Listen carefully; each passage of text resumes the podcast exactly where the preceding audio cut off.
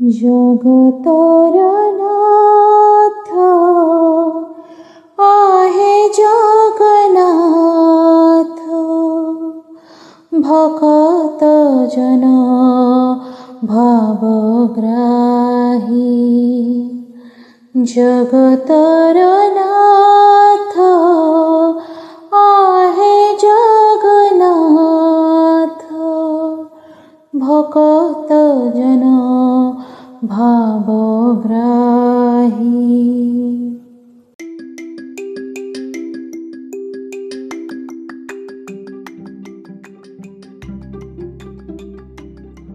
ଜୟ ଜଗନ୍ନାଥ ମୁଁ ସ୍ମିତା ଆପଣମାନଙ୍କୁ ଇନ୍ଦ୍ରଧନୁଷକୁ ସ୍ୱାଗତ ଜଣାଉଛି। ଆଜି ମୁଁ ଆପଣମାନଙ୍କ ପାଇଁ ନେଇ ଆସିଛି ଶ୍ରୀମନ୍ଦିର ରହସ୍ୟ କଥା। ଶ୍ରୀମନ୍ଦିର ସମ୍ପର୍କରେ ଅନେକ ରହସ୍ୟମୟ ତଥ୍ୟ ରହିଛି। ଯାହାକୁ ସାଧାରଣ ଲୋକେ କ'ଣ ଏପରିକି ବୈଜ୍ଞାନିକମାନେ ମଧ୍ୟ ଆଜି ପର୍ଯ୍ୟନ୍ତ ବୁଝିବାକୁ ସକ୍ଷମ ହୋଇପାରି ନାହାନ୍ତି ଶ୍ରୀମନ୍ଦିରର ଚୂଡ଼ା ଦେଶରେ ରହିଛି ନୀଳଚକ୍ର ପୁରୀ ବଡ଼ଦାଣ୍ଡରୁ ଶ୍ରୀମନ୍ଦିର ଶୀର୍ଷର ଉଚ୍ଚତା ହେଉଛି ପ୍ରାୟ ଦୁଇଶହ ଚଉଦ ଫୁଟ। ଗବେଷକଙ୍କ ମତରେ ଏହି ନୀଳଚକ୍ରର ଓଜନ ବାଇଶଶହ କିଲୋଗ୍ରାମ। ନୀଳଚକ୍ରର ଉଚ୍ଚତା ବାର ଫୁଟ। ନୀଳଚକ୍ରର ଧ୍ୱଜାକୁ ପତିତ ପାବନ ବାନା ବୋଲି କୁହାଯାଏ। ତେବେ ଚାଲନ୍ତୁ ଜାଣିବା ରହସ୍ୟଗୁଡ଼ିକ କ'ଣ କ'ଣ। ନମ୍ବର ୱାନ୍ ପ୍ରକୃତିର ନିୟମ ଅନୁଯାୟୀ ସବୁ ଜିନିଷ ପବନର ଗତି ଯେଉଁ ଦିଗରେ ଥାଏ ସେହି ଦିଗକୁ ଉଡ଼ିଥାଏ ମାତ୍ର ପତିତ ପାବନ ବାନା ପବନ ଗତିର ବିପରୀତ ଦିଗକୁ ଉଡ଼ିଥାଏ।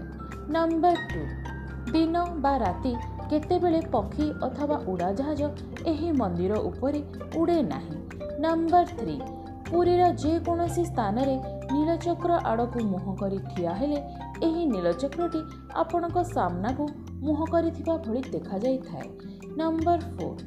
ଯେକୌଣସି ସମୟରେ ସମୁଦ୍ର ମୁହାଣରେ ଦିନ ସମୟରେ ସମୁଦ୍ରରୁ ଭୂମିକୁ ଆଉ ରାତି ସମୟରେ ଭୂମିରୁ ସମୁଦ୍ରକୁ ପବନ ବହିଥାଏ କିନ୍ତୁ ପୁରୀ ସମୁଦ୍ର କୂଳରେ ଏହାର ଓଲଟା ନମ୍ବର ଫାଇଭ। ମନ୍ଦିରର ମୁଖ୍ୟ ଦ୍ୱାର ଯାହାକୁ ସିଂହଦ୍ୱାର କୁହାଯାଇଥାଏ। ଯେତେବେଳେ ଆପଣ ସିଂହଦ୍ୱାର ଭିତରକୁ ପ୍ରବେଶ କରିବେ ସେହି ସମୟରେ ସମୁଦ୍ରର ଗର୍ଜନ ଶୁଣାଯିବ ନାହିଁ। କିନ୍ତୁ ପୁରୀର ଅନ୍ୟ ଜାଗାରେ ଛିଡ଼ା ହେଲେ ଆପଣ ଏହି ଗର୍ଜନ ସ୍ପଷ୍ଟ ଶୁଣିପାରିବେ।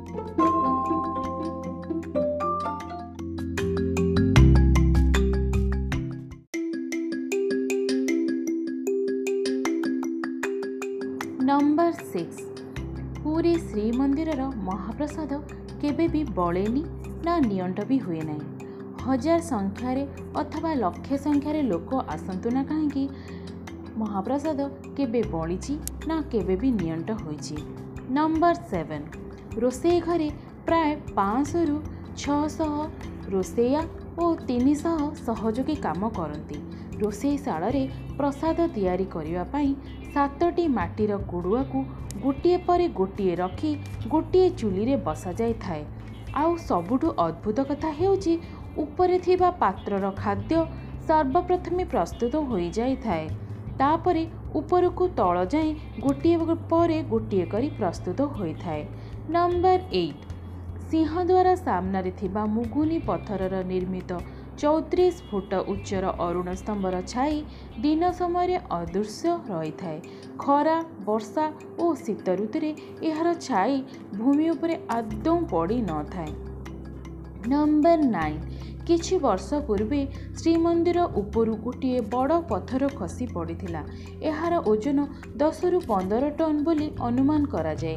ତେବେ ଏହି ପଥରଟି ମନ୍ଦିରର କେଉଁ ସ୍ଥାନରୁ ଖସିଛି ତାହାକୁ ଆଜି ପର୍ଯ୍ୟନ୍ତ କେହି ଜାଣି ନପାରିବା ଘଟଣା ରହସ୍ୟ ସୃଷ୍ଟି କରିଛି। ଦକ୍ଷିଣ ଦ୍ୱାରରେ ପୂର୍ବ ବେଢ଼ାକୁ ଲାଗିଥିବା ଲମ୍ବା ପଥରଟି ପଥରଟିକୁ ଆଘାତ କଲେ ସେଥିରୁ ସଙ୍ଗୀତର ସ୍ୱର ବାହାରୁଥିବା ଜଣାଯାଏ। ନମ୍ବର ଟେନ୍ ଶ୍ରୀମନ୍ଦିରର ପରିସରରେ ବାମପଟେ ଏକ ବଟବୃକ୍ଷ ରହିଛି ଏହି ବୃକ୍ଷଟି ପୁରାତନ କାଳରୁ ରହିଥିବା କୁହାଯାଏ ଆଜି ବି ଉକ୍ତ ବୃକ୍ଷଟି ସେହିଠାରେ ଠିଆ ହୋଇ ରହିଛି ନମ୍ବର ଇଲେଭେନ୍ ସବୁଦିନ ଏକ ସେବକ ମନ୍ଦିରରେ ଚଢ଼ି ମନ୍ଦିର ପତାକା ବଦଳାଇଥାଏ ଅଠରଶହ ବର୍ଷ ଧରି ଏହି ପ୍ରଥା ପାଳନ କରାଯାଇଛି। ଏ ଏହା ବିଶ୍ୱାସ କରାଯାଏ ଏହି ପ୍ରଥା ଯଦି ଥରେ ମିସ୍ ହୋଇଯାଏ ତେବେ ଅଠର ବର୍ଷ ପାଇଁ ପୁରୀ ମନ୍ଦିର ବନ୍ଦ ହୋଇଯିବ।